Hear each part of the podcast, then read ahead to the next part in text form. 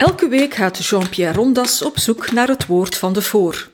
Hij analyseert het woordgebruik van journalisten, politici en opiniemakers, wikt en weegt hun woorden en ontmaskert bedrog. Beste luisteraar, kent u die mop van die Sloveense boer? Hij wordt bezocht door een goede heks die hem de keuze biedt tussen twee mogelijkheden. Ofwel, ze geeft hem één koe en aan zijn buurman twee koeien, ofwel, ze pakt de boer één koe af en van zijn buurman ook twee. De boer kiest onmiddellijk voor de tweede optie. In het eerste alternatief zou de boer er één koe hebben bijgewonnen, maar zijn buurman twee, en dat is voor hem nu eenmaal onverdraaglijk. Hij verliest dus nog liever een koe, op voorwaarde dat zijn buurman er nog meer bij verliest dan hijzelf. Zo'n verhaal trekt niet alleen onze opvattingen over normaal winstbejag in twijfel, de boer verliest er namelijk ook zelf aan, maar het relativeert ook de nogal infantiele speltheorie die ervan uitgaat dat in een bordspel of een gezelschapsspel of in een theoretisch spel zoals het gevangenendilemma de mens altijd kiest voor het voordeligste alternatief of voor dat wat hij op dat moment als het voordeligste inschat. Het is juist dat de mens er wel kan voor kiezen om iemand anders te bevoordeligen als dat in zijn eigen latere voordeel is. Maar wat de mens in de speltheorie beslist niet doet, dat is kiezen voor eigen verlies met de bedoeling de andere nog meer te doen verliezen. Dat gaat namelijk in tegen de rationele keuzelogica van de economisten. Maar net dit doet de Sloveense boer wel. En het zou geen mop zijn als het niet af en toe ook echt gebeurde, vooral dan in het surrealistische België op de 1 mei. Ik vertel deze mop dus omdat het gisteren inderdaad 1 mei was en ik dus aan Paul Magnet moest denken, toch de machtigste vertegenwoordiger van de 1 mei-strekking in de staat België. Want is die Sloveense mop nu niet perfect toepasselijk op hem? Ik denk van wel. Volgt u even mee. Laten we eens terugkeren naar dat memorabele weekend half maart van dit jaar, toen de verkoper van tweedehands, regeringen Patrick de Waal, een oplossing arrangeerde voor de padsituatie tussen NVA en PS. Tegen elke verwachting in verloor Magnet zijn voordelige uitgangspositie. Hij kreeg minder dan niets. En toch was hij blij. Want zijn enige bedoeling was dat de NVA nog minder kreeg. Magnet was blij met een dode mus, want zijn tegenstander had twee dode mussen te verwerken. We kunnen deze situatie goed begrijpen als we ons nog even die gedenkwaardige selfie van Gwendoline Rutten met MR-voorzitter Boucher voor de geest roepen.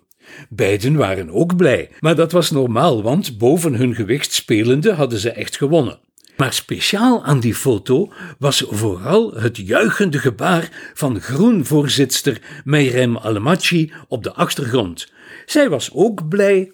Wat had zij gewonnen? Niets. Ze was gewoon blij omdat de NVA verloren had en omdat de optie van paars-geel er in extremis toch was uitgeknikkerd. Doodgewoon schadenfreude. Gelukkig met de schade die je aan een ander berokkend hebt, ook als je er zelf bij verloor. Maar terug naar Magnet. Deze socialist nam dus voor lief dat een kleine, liberale, antisocialistische partij alles kreeg en hij niets, als ook N-VA, maar beschadigd werd. En dat komt omdat voor Franstalige socialisten La Belgique voorgaat op het sociale. Net zoals bij Franstalige liberalen La Belgique voorgaat op het liberale. Maar stilaan begint het magnet te dagen. In Le Soir en La Libre schrijven ze daar met hun bekende zin voor pathetiek over le choix cornélien, waarvoor hij stond. Le choix cornélien, dat is het dilemma tussen plicht en liefde, waar El Cid in het gelijknamige theaterstuk van Pierre Corneille voor staat, in het Engels vertaald, You're damned if you do and you're damned if you don't. Een situatie waarin je niet kan winnen. Maar net als de Sloveense boer verkoos Magnet om te verliezen. Hij wou gewoon NVA in het cordon sanitair. En vandaar begint hij te beseffen dat de overmacht van de kleine liberale Boucher-partij hem toch meer parten speelt dan hij had verwacht. Hij is vandaag al wat minder blij. Nu lacht hij als een Sloveense boer met kiespijn. Ik heb de mop uit een boek van de Sloveense filosoof Slavoj Žižek. Het is dat boek in het Nederlands vertaald. Het heet Geweld en het gaat daar ook over. En de auteur Zizek gebruikt de Sloveense mop om de rechtvaardigheidstheorie van John Rawls tegen te spreken, waarover ik het nu verder niet wil hebben. Interessanter in deze context is dat Zizek in een noot nog een tweede versie van dezelfde mop vermeldt, alleen een beetje gruwelijker. Dezelfde heks komt de boer nu ongevraagd meedelen dat ze alles voor hem zal doen wat hij wil, maar hij wezen gewaarschuwd. Alles wat ze voor hem doet, zal ze in tweevoud voor zijn buurman doen. Ook hier aarzelt de boer geen moment en hij antwoordt de heks: Neem één van mijn ogen.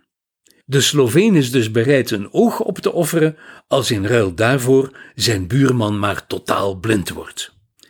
Dus ongeveer hetzelfde patroon als de eerste variant, met dat verschil dat de boer nu om het even welke wens mag doen, en dan nog formuleert hij een wens die beiden beschadigt. Wel nu, deze tweede versie levert het patroon van wat we kennen als de zesde staatshervorming van 2011 en 2014, een monument van bevoegdheidsversnippering en dus van inefficiëntie. De Franstaligen waren nog eens demandeur de rien, dus zij moesten het met elke jota eens zijn. Vandaar de vitterij en de detailzucht waarin dit alles is beland. Tegelijkertijd deden ze zichzelf tekort, want wat ze aan de Vlamingen misgunden, kregen ze zelf ook niet. Of datgene waarmee ze dachten de Vlamingen een pad in de korf te zetten, de dure rusthuizen bijvoorbeeld, kregen ze ook zelf te verwerken, vandaag meer dan ooit. En dit allemaal omwille van die manie van de Franstaligen en de Belgicisten om zoveel mogelijk bevoegdheden federaal te betoneren met de bedoeling het symbool Belgique drijvende te houden. Maar alweer, in dit door de godin corona beheerste tijdsgevricht wordt Magnet standpijn stilaan een snokkende zenuwpijn.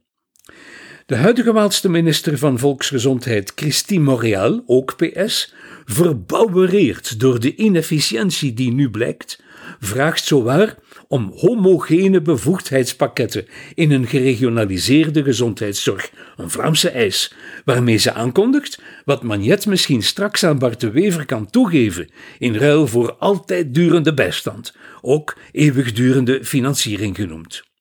Ze zegt letterlijk dat het huidige systeem ons doden en dus levens heeft gekost. En als zelfs een levenslang P van de A fellow traveler, als huisartsenspecialist Jan de Muizeneer, begint te pleiten voor een aparte, zeg maar een volgens de gewesten gesplitste gezondheidszorg, dan komt er misschien wel beweging in dit dossier. En ik zeg misschien, want er zijn nog zo van die hete hangijzers die de Franstaligen met geen tang willen aanpakken. Zo worden ze bijvoorbeeld enorm zelf gehinderd door een veelvoud van instellingen, parlementen en regeringen. Dat hebben we bij de opsomming van alle Belgische ministers bevoegd voor gezondheid weer eens kunnen merken. In een gezelschap van vijf of zes en volgens sommigen zelfs negen man-vrouw zit daar namelijk één Vlaming tussen. Op die manier hebben ze vier regeringen tegenover één Vlaamse en daar hebben ze toch zo'n deugd van telkens weer heel concreet vier druk redekavelende Franstalige man-vrouw aan een onderhandelings- of persconferentietafel tegenover die ene Vlaming die met de helft woorden minder uitkomt met zijn formidable. Alleen zo voelen ze zich gerustgesteld tegenover de Vlaams-rechtse dominantie. Maar alweer, Ondertussen gaat het zeer slecht met de Waalse en de Brusselse bevolking, met de Waalse en de Brusselse financiën, met hun onderwijs, hun werkgelegenheid, hun economie en nog slechter met hun 11e Marshallplan. Dramatisch slechter en slechter. Hoe lang nog gaan de Franstalige politici hun mensen kunnen wijsmaken dat dit het systeem is dat hen redt, terwijl ze aan het verzuipen zijn?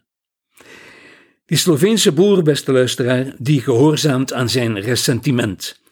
En hij kiest dus voor de ondergang van zijn buurman door zelf ten onder te gaan. Hij staat voor de huidige generatie van Franstalige politici. Hij staat niet voor de Walen. Zijn zij misschien Slovenen?